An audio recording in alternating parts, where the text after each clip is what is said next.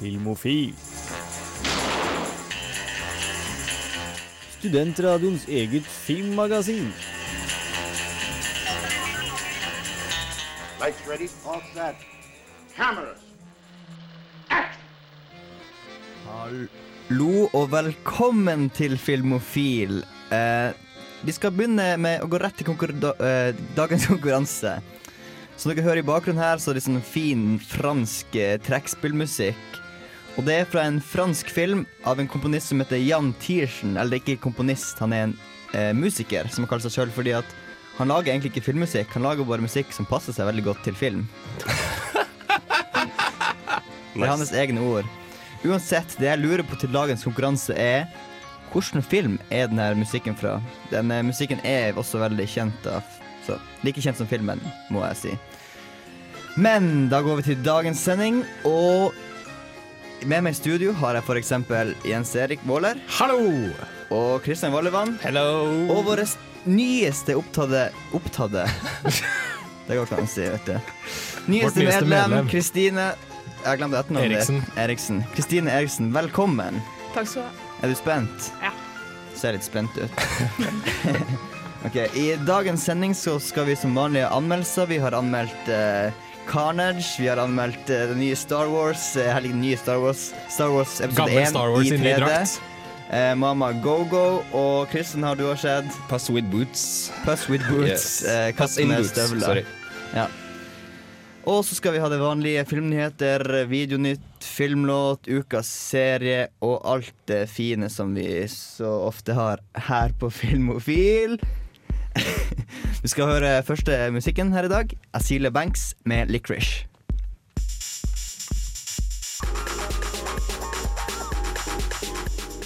Hei, jeg er eh, Agnes Kittelsen, Og jeg er Aksel Henning, og det er viktig at uh, dere hører på Filmofil. filmofil. Det er riktig. Det er viktig at du hører på Filmofil, og vi håper at du sitter og hører på nå eller en gang senere på podkast eller noe sånt. Vi skal hoppe til Filmnytt.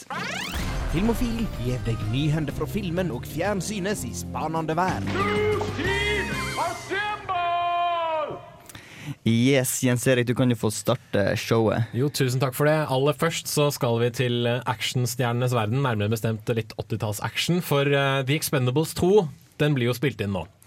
Eh, og på Twitter tidligere i dag så sendte Arnold Schwarzenegger ut et eh, bilde av han selv i sykesengen der han skal få eh, operere skulderen sin. Og hvem ligger i sengen ved siden av? Jo, det er godeste Sly Stallone. De skal nå slå seg sammen til å lage enda en ny film sammen, som skal hete The Tomb. Som skal være en fengselsfilm. Um, så kult, kanskje. Jeg vet ikke. Uh, Filmen følger en fyr som heter Ray Breslin, altså det er Stallone, da, som er uh, verdens uh, beste, eller verdens uh, flinkeste mann på såkalt structural security, altså sikkerhet innenfor diverse strukturer. Og uh, han har da Han skal da prøve å komme seg ut av et svært fengsel sammen med Arnold Schwarzenegger, som er innsatt på et digert fengsel som de blir fanga sammen i. Og eh, ja jo, Prison Break med Schwarzenegger og Stallone, for all del, men eh, gutta kan jo ikke spille for fem flate øre. Så Det er kanskje ikke det som er viktigst i en sånn type film. nei, men er det mye action i sånne fengselsrømningsfilmer? Kanskje det blir det den her. Kanskje det. Det blir vel mye sånn eh, hodesl- altså, hodeknekking, eller nakkeknekking og hodeknusing og diverse annet. Men eh, jeg tror det blir kult, men de gutta er jo altfor gamle nå, tror jeg, til å lage skikkelig skikkelig filmer. De begynner liksom å gå sånn i Dolph Lundgren-territorium og lager sånn direkte til DVD-saker. Ja, de, de gjør seg vel når de eh, får hjerteinfarkt på sett eller noe sånt. Yes, Christian. Yes. Husker du Machete fra 2010? Ja, ja. Machete. Machete. Den får endelig, endelig opp, opp, oppfølger. Uh, ifølge Deadlines fra Robert Rodriguez har slått seg sammen med produsent Aleksander Rodnianski, tror jeg han heter, litt vanskelig navn, for å lage en oppfølger til filmen. Uh, planen er for så vidt å lage altså fullføre en triologi, der den første oppfølgeren er Machete Kills, og en tredje film som er Machete Kills Again. Men drepte han ikke veldig mye og igjen og igjen i den første filmen? Eh, Jo, selvfølgelig. Ellers hadde det jo ikke vært en bra film. Eh, men eh, Danny Trejo, eh, som da spiller Machete, er, sagt å returnere sammen med bl.a. Jessica Alba, Lindsay Lohan og Michelle Rodriguez. Ah, Jessica Elba var så dårlig i den forrige machete-filmen. Ja, det var flaut å se Alltid på. dårlig. Ja, men jeg, jeg har aldri blitt sånn flau av å se på en liksom, profesjonell i hermetegn skuespiller. Da skal jeg gi deg et par romantiske komedier som Jessica Alba spiller i. Da blir du i hvert fall flau. Ja, nei, vi får nå bare vente og se om det blir mer dreping. Eh, ja, kanskje jeg skal ta en liten nyhet, da. Eh, mm, ja. Tidligere denne uka ble det kjent at, eh, at Ridley Scott var i prat med Harrison Ford om eh, at han skulle være med i den nye oppfølgeren til eh, sci-fi-kultfilmen Blade Runner fra 1982. Men like fort ble denne nyheten avkrefta til eh, fansen sin store skuffelse. Men ikke la alt, alt gå, håp gå fra dere enda. For Scott ga nylig et intervju der han prater om statusen i filmen. Der han sier at de fortsatt er veldig tidlig inne i planleggings- planleggingsfasen. Faktisk så tidlig at de ikke vet om det skal være en prequel eller en sequel. Så han eh, tar ikke helt bort muligheten for at eh, Harrison Ford er en mulighet å bli dratt inn i filmen. Hva er det egentlig Harrison Ford gjør for tiden? Jeg vet ikke. Han er jo Fløy over den forrige Indiana Jones-filmen. Gjemt seg i en hule. Kanskje det. Nei, jeg vet ikke. Vi får bare vente og se om det Om han blir med. Eh, Det var første delen av vårt nye Videonytt. Det kommer eh, videonytt, Filmnytt. Det kommer mer Filmnytt etterpå, men eh, først skal vi spille litt mer musikk. Det her er Beach Fossils. Det hørtes litt anstrengt ut. Ja, jeg var litt anstrengt, men eh, det gikk over. Beach Fossils med Shallow.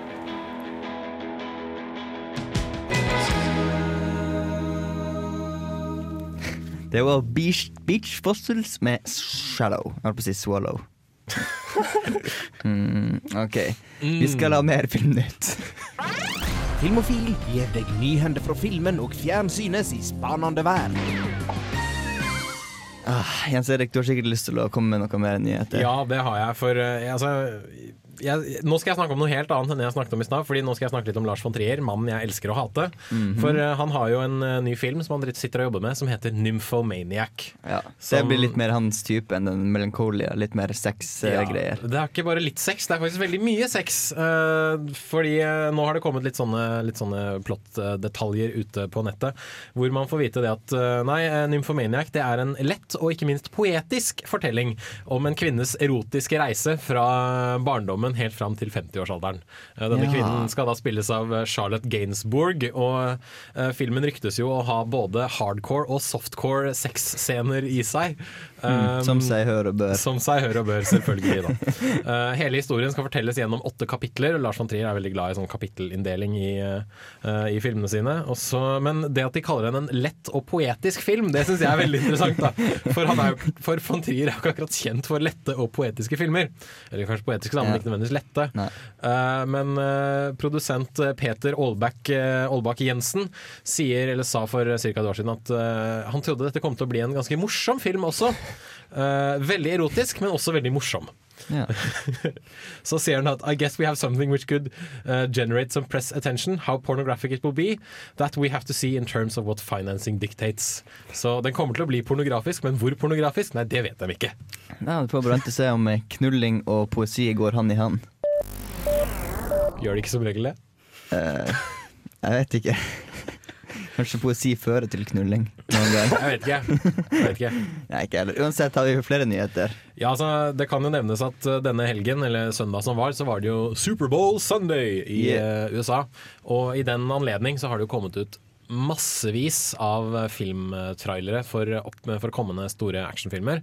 Uh, det kom en ny trailer for den nye Born-filmen, det kom trailer for den, for den kommende Avengers-filmen, uh, Amazing Spider-Man, uh, John Carter of Mars. Det var faen meg ikke måte på hvor mye sånn 30 sekunders klipp som ble gitt ut på, på nettet.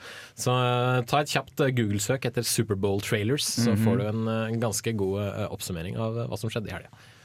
Ja, Det er egentlig det. det var det. Da. Da var filmnyhetene sånn cirka over. Ja, egentlig så var den det. Vi skal eh, fortsette med mer musikk. Der er Big KRIT med Booby Miles.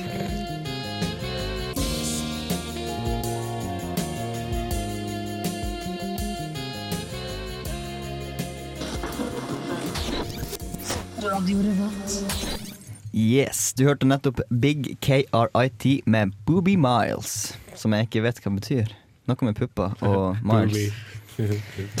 OK, som jeg nevnte i innledninga av dagens show, så har vi tatt opp et nytt medlem som heter Kristine. Og vi skal eh, prate litt om Kristine, og med Kristine, for hun er jo i studio. Hei, Kristine. Hei. Går det bra så langt? Jo, bare det. OK. Vi skal eh, spørre litt sånn eh, jeg kan, Hva vi skal spørre om? Jeg kan begynne med det som Jens Erik sa til meg Ja. Nettopp. Var hvordan Nei, hva er den første store filmopplevelsen din som du husker, da? Den satt langt inne. Den satt langt inne. Jeg Elsen, den er svimmel i hodet. Skal du drukke mer kaffe? OK, men uh, har du et svar? Eh, Jeg tror ikke jeg kan huske første gangen jeg var på kino, eller noe sånt, men de tidligste minnene mine om film er nok uh, foran TV-en med pappa og Star Wars, tror jeg. Ja. Det er jo Jens Erik som tydeligvis glad for å høre. Så Star Wars er en av de første tidlige Og mye Disney, da, selvfølgelig. ja. Sånn som eh, de fleste av oss oppvokst med mye Disney. Ja. Jenter, Eh, jenter jo pleier som, som regel å svare et eller annet Disney-relatert. Som Ja. regel Løv- Løvenes konge eller eh, et eller Nå annet. må du ikke legge alle under én kam, da. Jo. OK, greit. Kvinnfolk er kvinnfolk. Nei da, jeg tuller bare. Uh, ja, og Hvilken type film syns du er best, og har du noen favoritter å nevne? Um, jeg, for å nevne sjangere, da, så er det vel gamle westernfilmer og mye sci-fi det går i. Veldig glad i Klintern, som mm -hmm. kaller han. Han er absolutt en gammel, gammel favoritt. Gammel også. Gammel er han i hvert Begge fall. deler. Uh, ja, av enkelte filmer er det vanskelig å si. Jeg er eh, alle, som sagt veldig glad i Star Wars, og uh, Star Trek-filmene òg, da. Mhm. Alle, eller bare de Ikke alle, det- Eller bare partallsfilmene? det er Ja, det er vel partallsfilmene som gjelder, jeg må si det. Riktig svar. Ja, jeg vet ikke. Det er bare å tilføye Er mer, noe- altså. Hvem er Vi har lyst til å vite hvem du er. Hæ? Jeg vil vite hvem er den morsomste skuespilleren Ja, Hvem og den morsomste Ja, skuespilleren. hvem er morsomst på film? Uh, oh, den? Eh, nei, gud. Den morsomste skuespilleren. Uh, altså, jeg Jim Carrey. Ja, enig. Ja, er Jim Carrey, enig. absolutt. Uh, okay. Men jeg er veldig glad i sånn type Mel Brooks-filmer. da. Så Mel Brooks. Ja. han, han har gode komedier, syns jeg. Så Leslie Nielsen for meg, når jeg var liten, var han den store komikeren som jeg så på hele tida. Surely you can't be serious. Ja, ikke sant?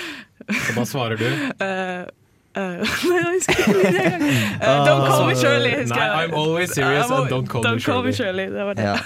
Nesten bra. Ja, OK? altså, Er det noen type film du eh, absolutt ikke liker? Uh, de filmene jeg har en tendens til å ikke like, er vel uh, sånne type Oscar-fodder som bare er sånn veldig dype og seriøse bare for å sikte mot den Oscar-statuetten. Så for eksempel uh, The Notebook og sånne type filmer jeg er ikke så veldig glad i. Men altså, jeg gir dem sjansen, men som oftest er de skuffende. Ja. Det er jeg, jeg vet ikke hva jeg skal si til det. Jeg, jeg har ikke noe forhold til The Notebook. Eh, Nei, jeg, ikke jeg, har, jeg har et forhold til Ryan Gosling, for han spilte i Ja. Drive, som var en av fjorårets beste filmer. Men uh... Jeg vet i hvert fall når jeg ser Ryan Gosling-film med jenter sier 'Å, det er han i The Notebook'. ja. Jeg, jeg, jeg grøsset litt inni meg da, da noen jeg kjenner snakket om Drive. Og bare sånn, ja, men hvem spiller den? Han fra The Notebook! Ja.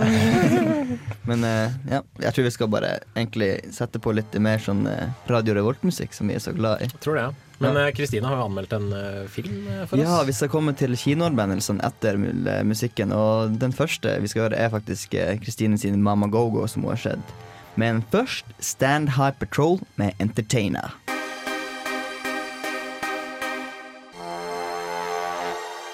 Hi there, this is Sal Lizard from Starfleet, the International Star Trek Fan Association, and encouraging you to listen to Filmophile.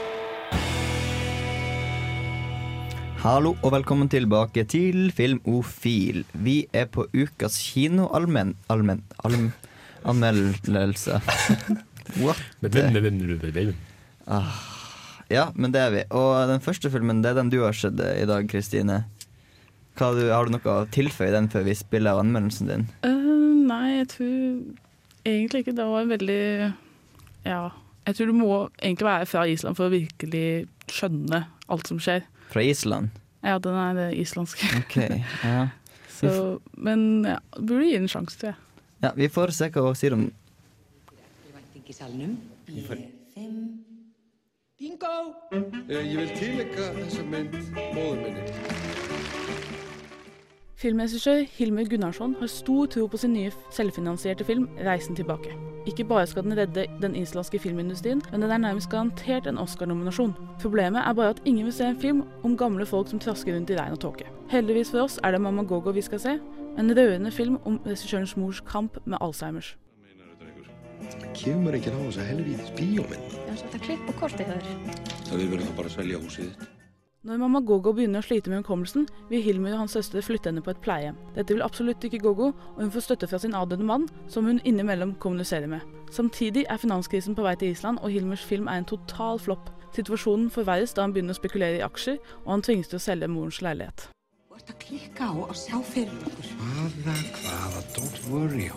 Filmen er halvt selvbiografisk, men det kaster et lite flatterende lys på hovedpersonen, som jeg hadde lite sympati for. Han er for selvsikker i sin film og for løs med pengene sine. Det er Gogo man vil bli kjent med, selv om også dette har tatt tid pga. filmens komiske aspekter. Til tross for det alvorlige temaet tillater vi oss å le litt av henne, men vi glemmer heller ikke de farlige konsekvensene av Alzheimers. Resultatet blir noe som nærmer seg svart humor, men som falt med i det absurde for meg. Filmens største suksess er skuespilleren Chris Bjørg Kjeld som Gogo. Hun drar oss inn i Gogos verden med et eneste håpløst og forvirret blikk. Det er en verden som hun holder på å miste idet den skapes, og jeg ble rett og slett irritert når filmen kutter brutalt vekk for å minne oss på sønnens pengeproblemer. Mamma! Jeg bare misti vatnið. Island er et vakkert land, og det legger ikke filmen skjul på. Det er helt klart en film laget med kjærlighet, men det er derfor litt kjipt at klippingen kommer som økshogg mellom scenene. Noe som hindret meg i å finne flyten og kanskje også meningen i filmen før de siste ti minuttene. Her til slutt bringes alle elementene sammen og vekker de følelsene jeg tror filmen har prøvd å vekke i meg hele tiden.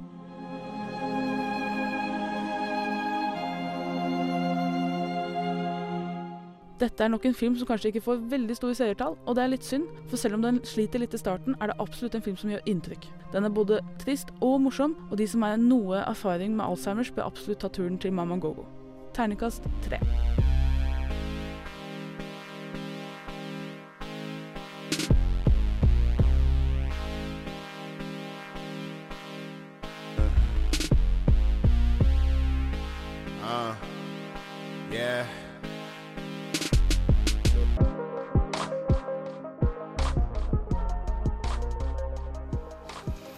Hallo og velkommen tilbake. Du hørte nettopp eh, Kristine sin anmeldelse av Mama Go-Go, som hun ga en terningkast tre. Og når vi snakker om eh, Mama, så har, eh, er det morsdag på søndag.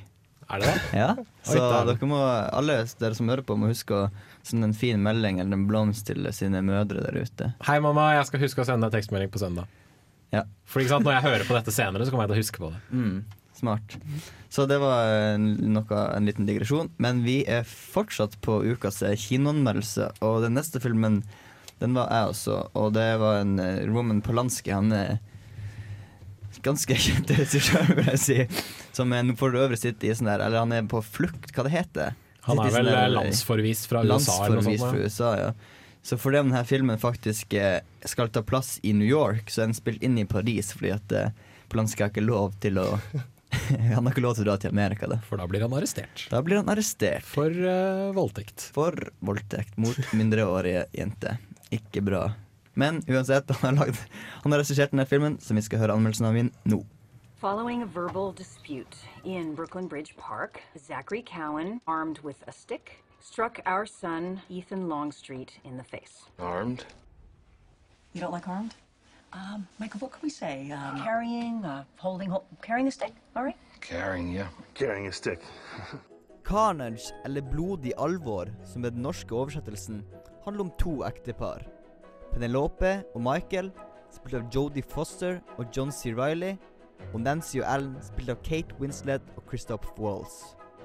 Når deres sønner, to gutter i andre klasse, ender opp i en konflikt som ender med at Nancy og Ellen sin sønn slår Penelope og Michael sin sønn med en pinne i ansiktet, møtes de to parene for å diskutere situasjonen. If Easton had broken two of Zachary's teeth, I'm thinking Alan and I might have had more of a knee jerk reaction. I'm not sure we would see the big picture. Sure you would. She's not telling you the real secret. Let him taste it. Very good. Det innledde så fint, med kaffedrikking, høflige smil og et ønske om å komme til en rask og fredelig enighet om hvordan de skal håndtere den utrivelige hendelsen. Do you know what they were arguing about? Ethan wouldn't let Zachary be a part of his gang. Did you know that Ethan had a gang? No, but I'm thrilled to hear it. Yeah.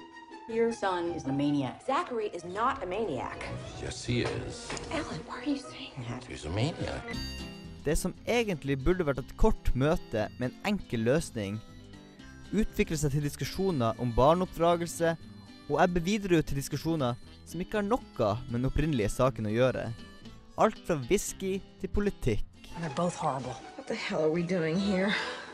I hope you're kidding. You think my son is a snitch? I don't think anything. Well, if you don't think anything, don't say anything. I'm sick to death of it. We were nice to you. We bought tulips. You know, my wife dressed me up as a liberal. Og fra diskusjonen er det ikke lange veien til høylytt og usaklig krangel.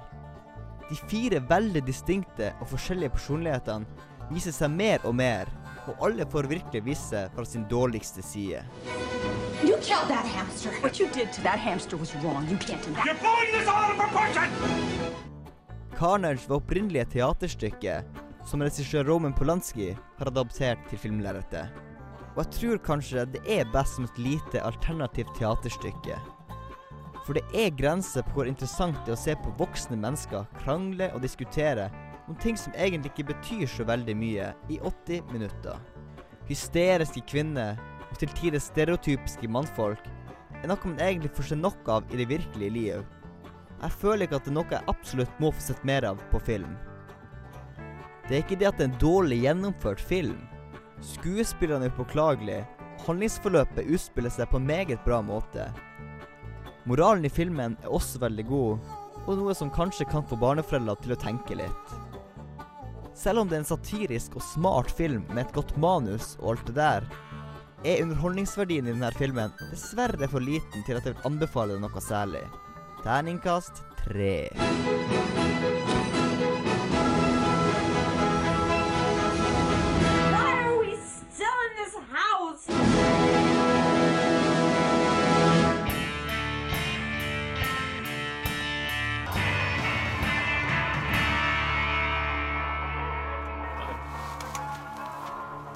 Ok, da er vi tilbake. Du hørte nettopp Across Tundras med Indian Summer Storms. En lang og sløv låt der, altså. Minna litt om noe fra Sivert Høyem, syns jeg. Eh, maybe. Kanskje litt eh, råere Sivert Høyem, som har fått noe krutt i ræva. Uansett, vi er fortsatt på ukas eh, kinoanmeldelse.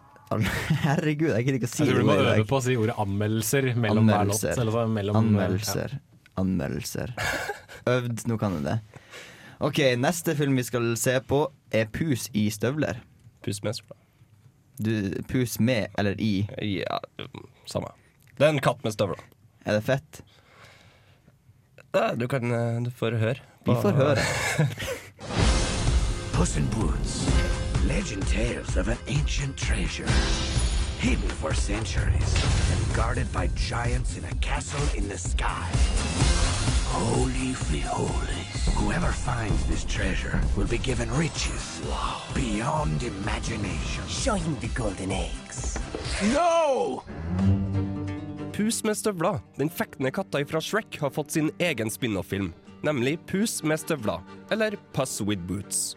Sammen med egget Lille Trille og katta Kitty Silkepote drar Pus på eventyr for å finne tre magiske bønder som vil ta dem opp til et slott i skyene, hvor de håper på å finne en and som kan gjøre dem ufattelig rik. En and som legger gullegg. Puss! Humpty Alexander Dumpty. We're going to need her. She's Kitty Softballs. I'll steal you blind, and you'll never even know I was there. Men veien til rikdom er ikke en dans på roser. For å få tak i de magiske bøndene må Pus og kompanjongene hans stjele dem fra Jack og Jill. To digre og skumle lovløse som sjøl ønsker å finne gullanda. I himmelslottet venter et fryktinngytende monster som akter å gjøre trioen sin jobb mye vanskeligere og mye mer dødelig. Heldigvis har katta ni liv. Do not worry, I will protect you. Protect me? And who's gonna protect you? Is it true a cat always lands on its! That is just a rumor spread by dogs! Pus med støvler er en komedie for den noe yngre garde, som får servert en smule slapstick og annen barnevennlig humor. Men Pus med støvler byr også på en dash snadder for oss som er litt eldre og litt mer filmglad, både i form av humor og popkulturelle referanser. Flere ganger i løpet av filmen satt jeg og tenkte tilbake på kjente klassikere og sjangere, som Pus med støvler ser ut til å ha henta mye inspirasjon fra. I og med at Pus med støvler hovedsakelig er en barnefilm, er den dubba til norsk. Som alltid skulle jeg gjerne likt å se filmen med de originale stemmene. Men det skal sies at den norske skuespillerstaben gjorde en ganske anstendig jobb. Fear me if you dare. I hate cats. That's not what your mama said. Pus med støvler er en film for hele familien. Den er morsom for de minste og underholdende nok for de største. Selv om Dreamworks fortsatt ikke helt greier å nå opp til Pixar sine standarder når det kommer til humor for de voksne. Den visuelle kvaliteten er glimrende, og her leverer Dreamworks akkurat det man forventer fra en moderne animasjonsfilm. Har du barn som liker eventyr, action og humor, så ta de med for å se Pus med støvler. Terningkast fire. Ok, det var Nicholas Jarman with Just One Glance. Og før det hørte du Christian sin anmeldelse av Puss in Boots, eller Pus med eller i støvler. Som han ga en terningkast fire. Og bra var det. Nå skal vi over til et litt annet univers, vil jeg si. For vi skal eh, til Star Wars. Ja. Og eh, min reaksjon da det viste seg at alle Star Wars-filmene skulle utgis på nytt i 3D, var no! Fordi jeg er sånn, jeg er sånn gal fan. Eh, men eh, ja, jeg likte jo Star Wars episode 1 da jeg var eh, 11, da den først kom på kino. Eh, så er jo det store spørsmålet likte jeg den nå. Vi får høre. Ja.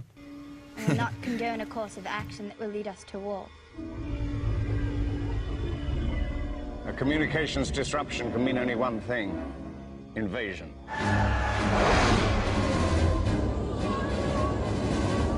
At last we will reveal ourselves to the Jedi. At last we will have revenge. Star Wars. Star Wars, Star Wars, Star Wars, Star Wars, Star Wars. Star Wars, for pokker! De aller fleste med en viss interesse for film har nok et forhold til Star Wars. Enten det er elsk eller hatt. Selv har jeg vært fan siden jeg var ti år gammel, da spesialutgavene ble sluppet på VHS i 1998. Siden da har filmene blitt utgitt igjen og igjen, både på DVD og Blu-ray, stadig med små og store forandringer utført av seriens skaper George Lucas. Nå skal begge trilogiene relanseres på kino i høyoppløselig 3D. Først ute er Star Wars episode 1, Den skjulte trussel. You refer to the prophecy of the one who will bring balance to the Force. You believe it's this boy? He can see things before they happen. He can help you. The Force is unusually strong with him. He was meant to help you. Star Wars episode 1, Den skjulte trussel, viser George Lucas evner som filmskaper på sitt beste og sitt verste. Alt det tekniske i filmen er nemlig briljant gjennomført. De store actionscenene i filmen, f.eks. lysveidkampen mot Darth Maul, er fortsatt ulidelig spennende, selv om jeg vet hva utfallet kommer til å bli. Koreografien, klippingen og John Williams' musikk holder meg på kanten av setet hver eneste gang. Det samme gjelder de store krigsscenene mellom Nabus krigere og droidehæren. Lucas er en habil actionregissør og viser hvor mye han kan gjøre med det som da var banebrytende spesialeffekter. Og ja da, de ser fortsatt umåtelig bra ut, selv etter 13 år. Den gamle eventyrfølelsen jeg fikk av den originale trilogien om utforskning av ukjente steder, er fortsatt tilstedeværende takket være vakkert og detaljrik settdesign og kostymer. Lucas er også utrolig flink til å bygge de ulike fascinerende verdenene han presenterer. Det ugjestmilde og kriminelle Tatooine er en sterk kontrast til den Blade Runner-inspirerte planeten Coruscant, full av skyskrapere, neonlys og trange bakgater. Filmens nye 3D-konvertering er også ganske bra, og det synes at George Lucas i det minste bryr seg om hvordan filmene hans ser ut. 3D-effekten er subtil, og gjør ikke stort annet enn å skape mer dybde i bildene, men jeg setter allikevel pris på arbeidet som har blitt lagt inn for at filmen fortsatt skal se bra ut. There is something else behind all this, Your Highness. They will kill you if you stay. And I can only protect you. I can't fight a war for you. I think we're going to have to accept Federation control for the time being. This is a battle I do not think that we can win. I will sign no treaty, Senator. Men når det gjelder innholdet, når ikke Lucas evner like langt. Dialog, skuespill og karakterbygging er så flatt at man skulle tro det var overkjørt av en dampveivals. Jake Lloyd må nok være den dårligste barneskuespilleren i manns minne, og han får Anakin Skywalker til å fremstå som en sutrete mammadalt med personligheten til en pappfigur. Det faktum at replikkene han blir tvunget til å lire av seg er så lite troverdige, gjør bare herligheten enda verre. Allikevel er nok det aller verste Jar Jar Binks. En karakter så dum og ubrukelig at det er et under at våre helter stadig tar han med seg når de må gjennomføre en oppgave. De vet at han er klønete, de vet han vandrer av gårde for seg selv, og de vet at han aldri gjør som han blir fortalt. Allikevel ender han opp som general i Gungerhæren og ambassadør for planeten Naboo i episode to. Hvordan går noe slikt an? Star Wars episode 1, Den skjulte trussel, har gått fra å være en film jeg likte veldig godt, til en film jeg har et ambivalent forhold til. Konklusjonen blir derfor ikke et terningkast, men heller en anbefaling om å være varsom når du står i billettluka. Filmen du får servert er nøyaktig den samme som for 13 år siden, men du har nok forandret deg. Likte du filmen da, liker du den kanskje nå. Likte du den ikke, så kan du bare styre unna. Wipe them out. All of them.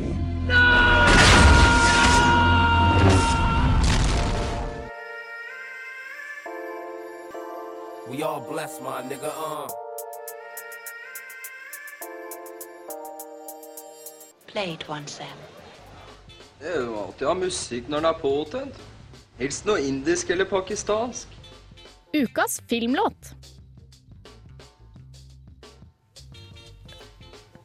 Ok, vi er nå på ukas filmlåt. Eh, Denne spalten vår der vi tar fra oss en låt som er fra en film. Og Christian Wallervann, hvordan film er det du har tatt med en sang fra i dag? Du har tatt med en uh, sang i, fra en eh, komedie som heter Superbad. Superbad? Superbad, Jeg regner med det var skjedd. den. Jeg har sett den.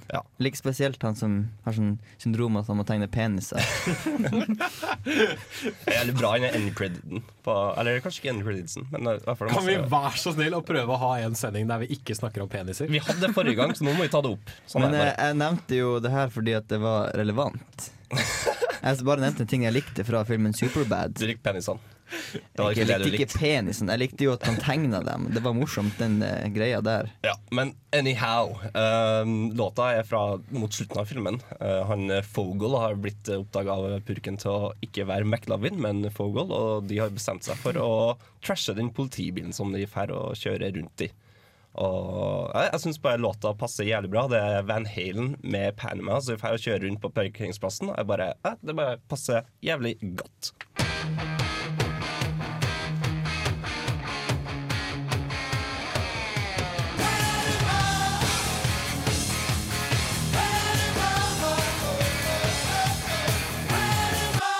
Der hørte vi Eddie Van Halen og David Lee Roth og resten av Van Halen med sangen Pan Atma fra filmen Superbad, som var ukas filmlåt.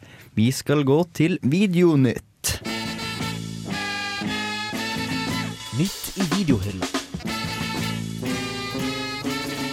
Rykende ferske digitalfilmer som du kan ha i din heim. Eh, ja, og det er mye, ganske mye fet, egentlig. Ikke superfet, men litt fet i videohullet i dag. Ja, er det ikke det? Ja. Eh, Hvor skal vi begynne? Christian, du står der med laptop foran deg. Uh, det jeg la merke til at det var tre filmer som hadde anmeldt. På Både Crazy Stupid Love og Ole Brumm og uh, Sommerland har ikke anmeldt, men jeg så den, og så snakka vi litt om den på sendinga. Men Eh, den norske filmen Babycall er ute på DVD og Blu-ray denne uka. Den vet jeg Ja, du har sett. den så jeg. Det er jo sånn Han lagde samme film som lagde 'Naboer', som også var en sånn psykologisk thriller. Jeg vil si at 'Naboer' var bedre. Den her var Babycore var mest trist og forferdelig, og ikke så eh, spennende. Så, uh, ja. Slutter den sånn som jeg tror den slutter? Jeg vet ikke hvordan du tror den slutter. og Bare Jeg vil si ja ikke eller nei. spoile en Bare si ja eller nei. Ja eller nei. Rasshøl. Eh, Den amerikanske filmen 'Barnepiken', har, eh, eller 'The Help', som den het på, på engelsk, den anmeldte jeg i min tid en gang. Ga en terningkast to. Den er Mm. både politisk korrekt og rasistisk samtidig. Og Oscar-nominert. Ja. eh, Det bør den ikke være, Nei. men det er den allikevel. Jepp. Åh. vi har jo glemt kremen. Ja vel. Queen. Transformers. Ja, ja, selvfølgelig. jeg, skal, jeg skal rage litt mer om Transformers 3 etterpå i sendinga, så jeg tror vi bare legger den litt død foreløpig. Uh, remaken av Sam Peckinpahs Straw Dogs er ute på Blu-ray og DVD. Mm. Originalen er dritkul, eh, remaken er helt OK. Um, det er også en eh, Woody Allen-film, 'Small Time Crooks', ute på Blu-ray og DVD denne uka. Og eh, for de som er interessert i eh, The Muppets, så er Muppets From Space og eh, The Muppets Take Manhattan ute på Blu-ray denne uka. Er det er Muppets farlige farlig i de filmene der? De tar over Nei. Manhattan og kommer Altså, de, sånn de, de, de, liksom, de tar Manhattan i den forstand at de setter opp et Broadway-stykke på Manhattan. Ah, ja. Sånn sett. Kjempemorsomt. Fett det, da. Fett. Veldig fett, syns jeg. Eh, jeg liker jo Muppets, jeg, da. Så, eh, og um, for eh, de yngre, eh, en eh, versjon av Handy Manny, altså, som er en sånn barnegreier. Og også de som liker vampyrer. Fright Night, en remake av en eh, 80-tallsklassiker, er ute på Blu-ray og DVD. Jeg vet ikke om det er noen som har vært borti originalen eller uh, remaken. her. Er det, hvordan sammenlignes de? Eh, Jeg syns begge er egentlig bra på sine måter, men eneren for meg er alltid altså, best. Ja. Vi skal prate ha litt mer eh, videonytt eh, etter eh, litt mer musikk. Eksempel vi skal snakke litt mer om Crazy Stupid Love og det som måtte falle oss inn. Men først får du Disappears med Replicate.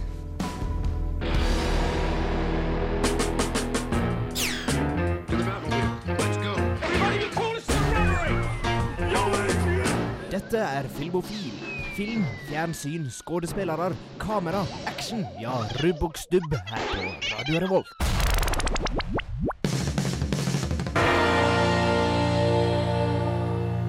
Hallo, og velkommen tilbake til Filmofil her på Radio Revolt. Hei! Hei, Jeg Så ikke akkurat du si hei. Du sa hallo, så derfor sier jeg hei. Hei. Vi er fortsatt på ukas eh, video... eh, Videonytt, heter det. Ja, videopremierer, kan man vel kalle det. Det som kommer ut på Blu-ray og DVD og VHS og minidisk og diverse. Jeg vet ikke. Men eh, i noen land kommer det sikkert ut på VHS Video on enda. demand òg, kanskje? Video on demand. Laserdisk. Ja, Diskett. uansett. Uh, Crazy Stupid Love, en romantisk komedie som kom ut denne uka. Den har både jeg og Christian sett. Hva du syns om den? Vel, i, i min tid, eller når jeg så den og anmeldte den, så ga jeg jo den en toer. Hm, det var noe litt strengt, syns jeg. Ja, flere har sagt det. Ja. Uh, kanskje det. De får synes hva de vil. Jeg har min mening. Ja, jeg syns den var kjedelig. Den har jo, inneholder jo både skuespillere som Steve Carell og Ryan Gosling i hovedroller. Som, er, det syns jo jeg er litt kult, da. Ja, jeg liker jo ikke Steve Carell. Nei, Sånn- jeg liker Steve Carell. Ja, jeg, jeg liker Da var det kanskje litt godt. problematisk at det var du Ja. som skulle se denne filmen. Ja, kanskje. Men En Ryan Gosling, da. Jeg tror du begynte å svette litt når du fikk se den i bar overkropp. Ja, faen, ass, det- det gjorde jeg, nesten. absolutt. For det var faktisk litt sykt. Jeg visste ikke at han var så bøs, men uansett. Nei, jævlig bøff. Men eh, nok om det, kanskje. No, nok om det. Det var ikke derfor jeg Men jeg, jeg, jeg ville si meg litt uenig i terningkast 2. For hvis det er terningkast 2, så føler jeg at det er en ganske drittfilm. Ja, jeg syns det var en drittfilm. Ja. Det er derfor jeg ga den en toer. For jeg syns eh, det var enkelte scener som jeg syns var morsomme, og den hadde jo selvfølgelig alle de klisjégreiene som en romantisk komedie har, men den ga meg liksom litt. Altså, jeg jeg syns ikke det var kjedelig å se på. Jeg syns det var OK underholdning, som jeg ja, fikk, ble vitne til da. Ja, nei, jeg syns jeg tror, Nei, eh, sånn det var, jeg tror jeg sier anmeldelsen også. Det var sånn Lypt og bare på en svart vegg. Det var sånn med, med Så nei. Du er veldig Hadde den ikke noe godt ved seg i det hele tatt? Jo, ellers hadde jeg gitt den en ener. Ja, men, okay, men hva var det ene gode? Fordi du, du liker jo ikke Du likte jo tydeligvis ikke Steve Carell, ingen av karakterene. Altså, var det Ryan Gosling som tok av seg skjorta som gjorde det, eller? eh? Ja, det, det gikk opp en karakter der, altså. Det gjorde det. Nei, nei, altså, det var Jeg lo av og til, men jeg syns ikke jeg lo nok eh, til at det var en romantisk komedie. da. Nei, jeg likte spesielt en av de overraskelsene som kom mot slutten. Jeg kan ikke spoile det for mye, men det gjorde at det, det ble litt morsomt, da. Ja, vi snakka om det i stad, det. greia på slutten. Ja. Det, det bygger liksom opp til et sånn lite klimaks, Mm. men så blir det bare et antiklimaks. Det blir liksom mange konfrontasjoner som blir en møtes, da. Alle sidene i filmen møtes, og så blir det bygges opp til en, sånn, at det skal bli noe skikkelig Skikkelig svært, egentlig. Men eh, jeg er en, litt enig der at det ble ikke så eh, massivt og gøy som jeg trodde det skulle bli. For jeg satt veldig sånn spent. Bare, Å, nå skjer det Nå skjer det noe snart. Men, eh, men det, jeg syns det var en OK film. Jeg vil ikke gi den terningkast to, altså.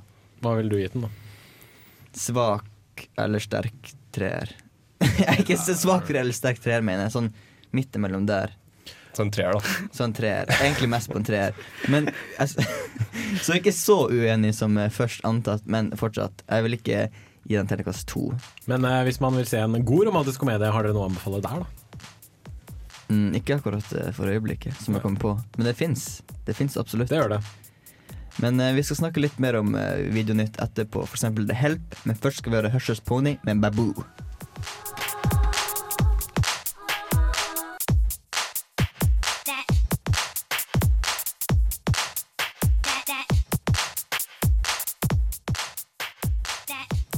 Mm, tap. Der er min og Jens Eriksen nye favorittsang. OK, men Tap, kul tap. sang. Tap Tap heter den ikke. Den heter Pony Hush noe. Uh, Hush Pony med Babu. Ja. Hush Hush Pony med Babu. Hush Pony med Babu. Som betydde bavian eller balsam eller Baboon betyr bavian. Ja, men Det Babu betyr. Det er bare et navn, sånn. Sånn som Rafiki. For eksempel. It means I'm a baboon. Nei, you are a baboon. And I am not. Vi snakka litt om uh, The Help, eller uh, hus... Barnepiken. Ja, altså, som heter. Det er litt sånn kjært barn har mange navn, men uh, fordi Barnepiken var en sånn uh, uh, sørkoreansk film som også hadde kinopremiere i 2011 en eller annen gang, tror jeg. Som, som jeg så fordi jeg trodde det kom til å være interessant, men det var ikke en bra film i det hele tatt. Men The Help heter jo, eng, heter jo, heter jo låta Nei, låta, så heter jo filmen på, på engelsk. Og derfor syns jeg at, at Jeg syns egentlig Hushjelpen er en mye bedre tittel enn Barnepiken. Men sånn er det nå i hvert fall. da. Det handler om svarte mennesker som er øh, tjenere i, på 60-tallet en eller annen gang.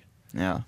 Men da er den kanskje ikke rasistisk, kanskje det bare var sånn? Den er, jo, altså, den var jo sånn, men den er rasistisk i det at den portretterer uh, Jeg sier det egentlig alltid i anmeldelsen, men den portretterer jo denne kampen deres som om de trengte hjelp fra de hvite for å liksom komme i gang. Og det, Ja, det, ok. det syns jeg er rasistisk. Okay. Jeg tenkte litt på en annen film. Da, Hvis du har lagt merke til på uh, Gjøkeredet, så er alle som jobber på det som vaskere og sånne vakter på, eh, inne på mentalsykehuset, svart. Ja, men det er ikke rasistisk. Nei, men hvis, jeg tenker siden du syns det var rasistisk, så Men Det er en ting jeg la merke til, da. Uansett, vi skal bare få høre anmeldelsen din av The Help. Sorry I'm late. We didn't ever think you'd leave Ole Miss. It does take four years, Jolene. I got a job today, writing for the Jackson Journal. Great. You can write my obituary. Charlotte Phelan, dead. Her daughter, still single. Film kan lære oss mye rart, spesielt når Oscarsesongen nærmer seg og de virkelig gode filmene kommer ut i USA. En av filmene som snuser på Den lille gylne mannen, er Barnepiken. Et sørstatsdrama basert på en bok av Catherine Stockett som tar for seg raseforskjeller i Jackson, Mississippi tidlig på 1960-tallet. Det filmen lærer oss, er hvor fantastiske vi hvite mennesker egentlig kan være når vi bestemmer oss for å hjelpe de stakkars negerne som jobber for oss. Ah, hvite mennesker. Er det noe vi ikke kan gjøre for de stakkars underprivilegerte minoritetene? These women raise white children. We love them and they love us, but they can't even use the toilets in our houses. Minnie, are you in there? You are fired! Eugenia Phelan, spilt av Emma Stone, kommer tilbake til byen Jackson etter å ha fullført collegeutdannelse med drømmer om å bli journalist. Hun bestemmer seg en dag for å skrive bok om alle de svarte hushjelpene som jobber i byen, som en måte å ta tak i raseproblematikk og undertrykkelsen som foregår. Dette skaper debatt og oppstyr både blant Eugenias overklassevenner samt de fargede hushjelpene som helst bare vil gjøre jobben sin og ikke skape problemer for de rundt seg. Samtidig foregår en sånn halvviktig borgerrettighetskamp i de nordlige statene, men det trenger vi ikke bry oss om, for den hvite mannen er her for å redde de stakkars negerne.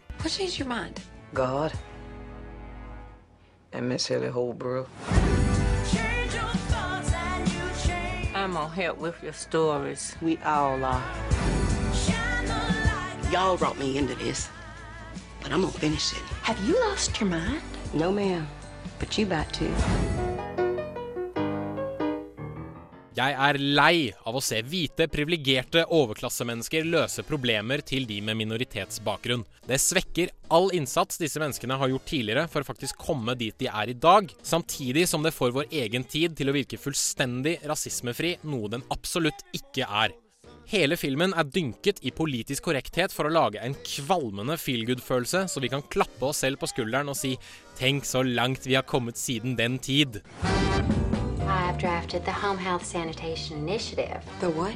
A bill that requires every white home to have a separate bathroom for the help. Maybe we should just build you a bathroom outside, Haley.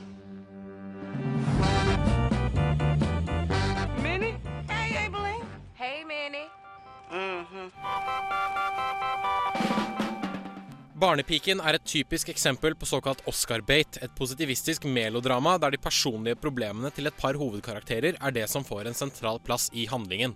Dette er en verden der alle er pene, alle problemer blir løst bare man står sammen, og det grines i bøtter og spann. De sentrale hovedpersonene gjør alle gode roller, spesielt Bryce Dallas Howard i rollen som filmens sukkersøte, men ekstremrasistiske skurk, mens Emma Stone forsøkes omgjort til en grå mus. Til tross for hvor mange brune kjoler filmskaperne velger å kle henne i, er det vanskelig å skjule hvor godt Emma Stone faktisk ser ut. Bra skuespill og soundtrack trekker filmen altså litt grann opp, men ikke spesielt mye. Dette er sursøt kliss for den eldre garde, som garantert får en Oscar-nominasjon den ikke fortjener. Terningkast to.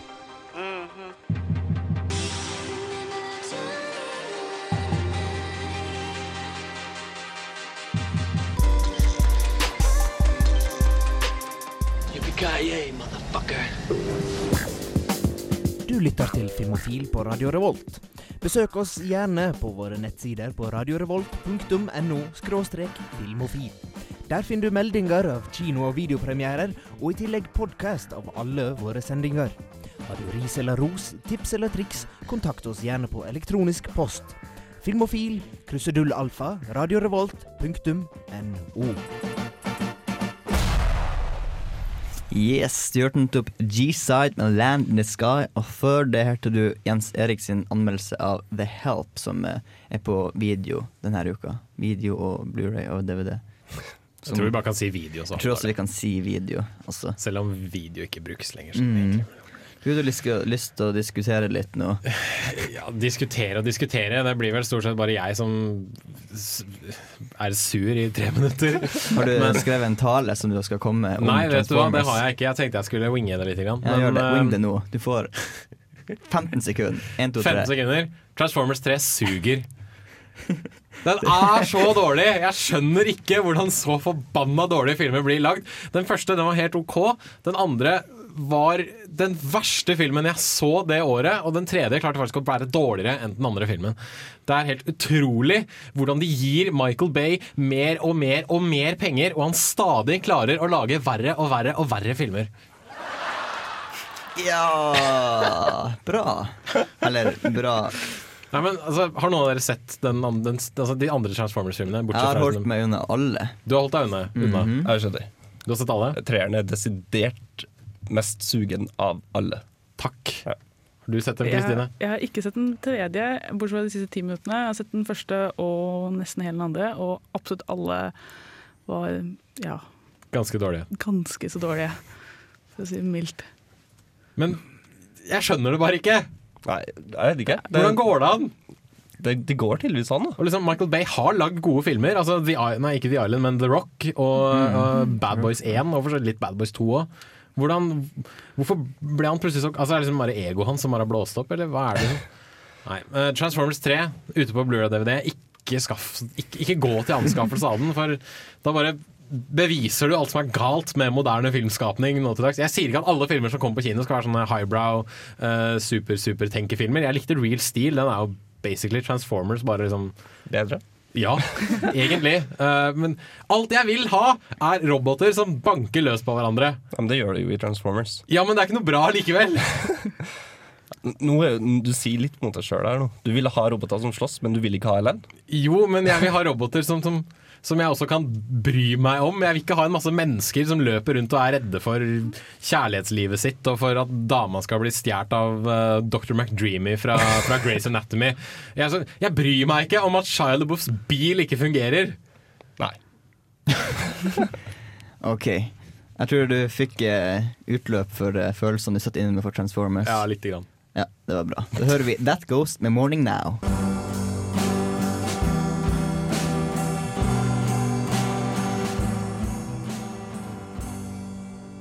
Er nok en gang tilbake i Filmofil på Radio Revolt. Og vi skal ha vår nye spalte, Ukas serie. Hei! Hei! Det er ikke 90s sitcom-flashback. Ta og Skru på noe annet. Ja, bedre, men prøv igjen.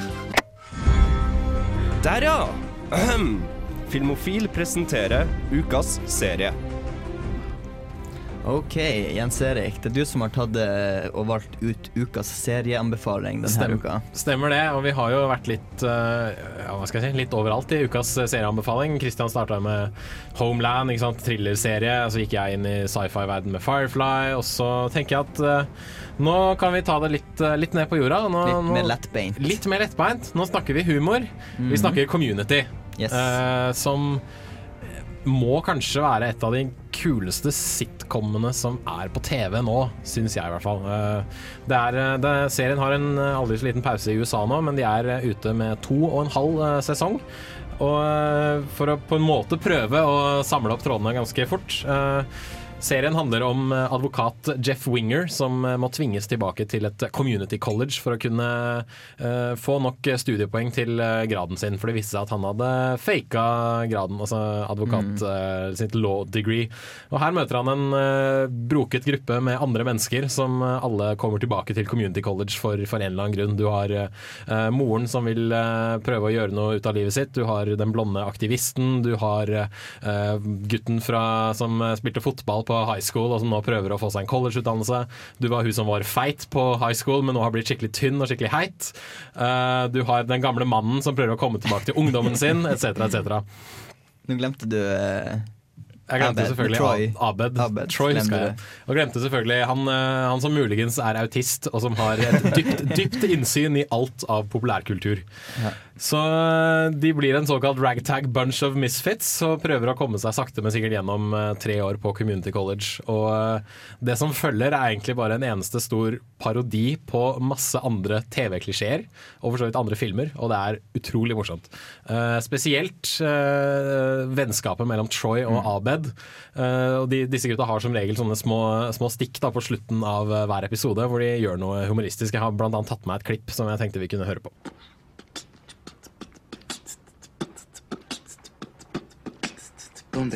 ¿Dónde está la biblioteca? Me llamo T-Bone, la araña discoteca. Discoteca, muñeca, la biblioteca. Es el bigote grande, pero manteca. Manteca, bigote, gigante, pequeño, cabeza es nieve, cerveza es bueno. Buenos días, me gustas papas frías, bigote de la cabra, de Cameron Díaz.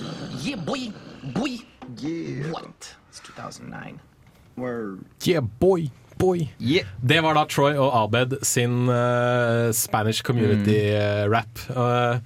og det er flere faktisk community-fans i Radio Revolt. Jeg vet at uh, Mikkel og Aksel fra Blyforgiftning er veldig glad i å dra den Troy og Abed-rappen på rams. Uoppfordret, når de sjøl vil. Men veldig mye av humoren i serien kommer jo fra det at Manusforfatterne har skjønt uh, hvordan de skal parodiere 80-tall, 90-tall og ikke minst 2000-tall på en veldig god måte. Der uh, Flere episoder refererer bl.a. The Breakfast Club. Det er til og med en hel episode som er dedikert til uh, diverse gjenskapninger av scener fra The Breakfast Club. Men du har jo også andre episoder som er eh, dedikert til å rett og slett bare parodi parodiere filmer. Alt fra western til krigsdrama til zombiefilmer til eh, Star Wars, faktisk. Der Abed tar på seg en skinnfrakk, og, eller frakk, sier jeg, en skinnvest, og plutselig blir eh, Han Solo. Ja, jeg vil nevne og si bare om jeg ser at For jeg har sett alt det også. Og jeg, jeg syns det tok litt tid, i hvert fall i første sesongen, før det begynte å bli morsomt. For når man får stadfesta karakterene og de får en virkelig personlighet, det er da det begynner å bli gøy. Så ikke, ikke døm serien av å se begynnelsen, for det tar seg virkelig opp, syns jeg. Altså, det, jeg vet det høres litt sånn det er, det er sånn feil å si, men det er en humor som man kanskje må Mm. sette seg litt inn i aller først. Og da, det, det trengs man et par, par episoder for å få til. Men når man først har eh, skjønt hva serien er ute etter å gjøre, så tror jeg faktisk at man uh, syns det er veldig morsomt. Kristian, uh, har du noe, til, uh, noe, noe forhold til community? Ja, um, det skjedde litt av den første sesongen. Uh, jeg syns de var ganske flinke på tidlig å gi et kjennskap til karakterene. Og så syns jeg det virker som hver episode på en måte har litt sånn tema. uh, liggende, absolutt. som, eh, som gjør det litt sånn ekstra gøy. Og du Kristine, du fortalte meg i stad at du hadde sett alle episodene på ca. to dager. Uh, nei, to uker siden. To uker, ja. det var ikke så ille. Okay, ja. Men jeg, jeg så første episode og var fullstendig hekta med en eneste gang, og jeg bare elsker serien. Ja. Jeg kan blant annet nevne at eh, Siste episoden i sesong tre var en juleepisode som også parodierte Glee uh, og Invasion of the Body Snatchers. Så hvis du er filminteressert og litt popkulturnerd, Community anbefales. Og for så vidt også hvis du bare er glad i god komedie. Da har du sikkert sett den parallelle univers-episoden. Var det en parodi på noe? For Det den var- syns jeg var sykt morsom. Det var nok bare en parodi på kaosteori Ja, og parallelle okay. universer. Det var morsomt uansett. Ja, det var dritgøy. Vi skal hø nå det, Ok, det var ukas serieanbefaling, som var Community. Som jeg ser hva tatt med. Vi skal nå høre Chase and Chase med Wavy Navy.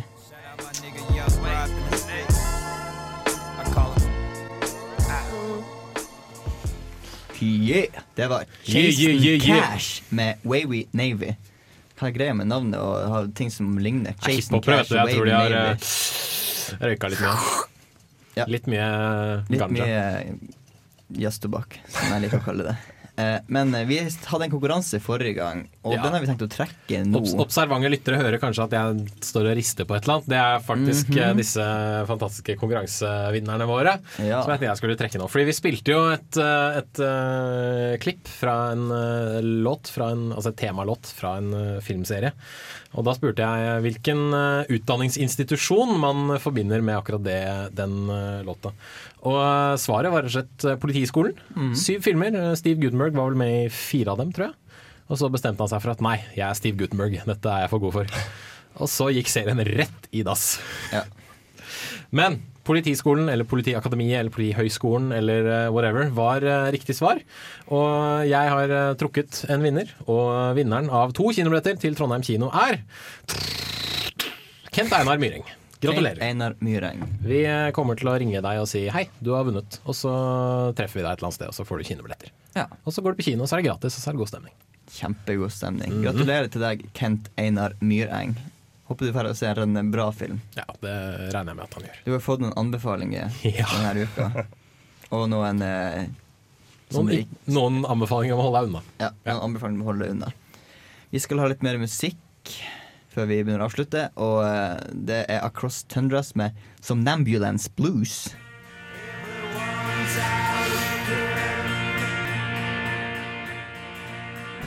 Yes, og velkommen tilbake til Filmofil. Vi nærmer oss dessverre sluttfasen av dagens program.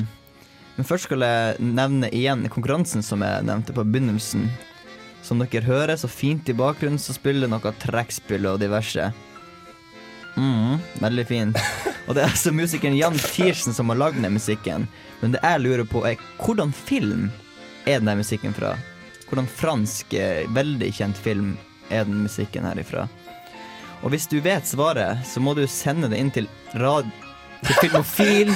Til, send det inn til filmofil at radiorevolt.no Men ditt svar, navn og telefonnummer. Hører at du har øvd på dette her i den musikalske pausen. Jeg måtte gjøre det. Fordi at eh, Ellers så kan det bli sur. Og jeg vil at dere skal eh, få det riktige informasjonen, så dere klarer å sende inn svaret. Og hvis du gjør det, så kan du vinne to åpne kinobilletter fra Trondheim kino, som du kan se hva du vil med. Og det burde du gjøre. Ja, det syns vi. Mm. Det er ikke noe vits i å vinne kinobilletter og bare la dem eh, ligge, er det det? Det er overhodet ikke vits. Ikke sant. Du kan jo selge dem på svartebørsen hvis du er sånn en fattiglus. Nei, ikke gjør det. Ikke gjør det. Det er ikke verdt det. Sånn som folk er med smørpakkene nå? Eh, Ikke nå lenger, det. Nei, jeg tror de gjør det fortsatt. Nå er det honningkrise som er den nye. Er det honningkrise? Mm, skal- det skal komme, fordi at eh, Ja, ja. bien eh, Det er ikke fordi han fra Honningbarna er død, altså. Oi, kanskje det er det. Var det for tidlig? Ja, litt for tidlig. okay, Litt for tidlig og litt for dårlig, rett og slett. Ok, unnskyld. Ja, men det var ikke det. det er ikke derfor. da. Det har noe med bien å gjøre. Det skjønner vi jo alle sammen. The bees are disappearing. The bees are disappearing. Det er ikke rart. Jeg skjønner ikke at de klarer å leve i Norge at the first place, liksom. In the first place. Men uh, snart forsvinner, forsvinner jo vi òg, gjør vi ikke det? Det gjør vi, dessverre. For, for uka i hvert fall. For denne uka. Vi er tilbake neste gang, i hvert fall Jens Erik og Kristine. For jeg og Kristian uh, skal drikke oss full. Eller, ikke, ikke, Ikke, sam, ikke sammen. Ikke sammen. Han Nei. skal til London, jeg skal til Oslo. Men ikke for å drikke oss full. Eller. Kristian skal drikke seg full. Jeg skal faktisk gjøre noe vettig. Sies det. OK, men eh, vi skal begynne å avslutte, som jeg sa. Og eh, vi må bare si at eh, Hva vi bruker å si når vi avslutter? At Følg oss på Facebook, last ned podkast, eller hør oss på Stream on Demand-tjenesten vår, som er på radiorevolt.no. Eh, abonner på Ja, abonner på podkast på iTunes. Mere, Jens Erik? Eh, alle anmeldelsene våre blir lagt ut på radio.no slash filmofil. Og anmeldelsen denne uka har vært eh, Mamma Go-Go, som fikk Kristine. Terningkast tre. Og Carnage, som jeg ga en treer. Og Jens Erik, så Star Wars episode 1, Den skjulte trussel, som jeg ikke ga et terningkast, for uh, det gadd jeg rett og slett ikke. Men uh, har du sett den før og likte den, så kanskje du liker den nå. Uh, hvis du hata den da, så er det egentlig ikke noe vits i å se den. Nei, Det var, ikke. min, det var min konklusjon. Ja, det var en grei konklusjon. Og Christian, så Pass in boots, som jeg ga en firer. Puss med støvler, altså to treere, en firer og en ingenting. Ja, En fraværende, kan man kalle det. Jeg er enig i at man ikke trenger å gi nye anmeldelser til film som har blitt gitt ut for over 13 år siden. Nei, men vi snakket jo for så vidt om 'Løvenes konge' for et par uker siden. Ja, men vi kan ikke ternekast. Gjorde vi det? Nei, vet du, det gjorde vi kanskje ikke. Så, Det stemmer, det. Mm. det, stemmer, det, stemmer, det stemmer. så det er fint å snakke om det, men man må ikke gi det et nytt terningkast. For filmen er jo tross alt egentlig i bunn og grunn det samme, for det om det er en 3D-film. Sant. Det er bare for at man skal eh, kanskje få nye fans og gjøre den litt vakrere. Og kanskje tjene litt mer penger. Mest derfor, egentlig. Uansett, vi i studio i dag har vi vært Jens Erik Våler. Ha det bra. Kristine Eriksen. Ha det bra. Kristian with Jeg heter Gaute Eliassen. Teknikere i dag har vært Kjersti Bakken og Rune Stana. Det har vært en kongesending. Ses til neste uke. Ha det bra.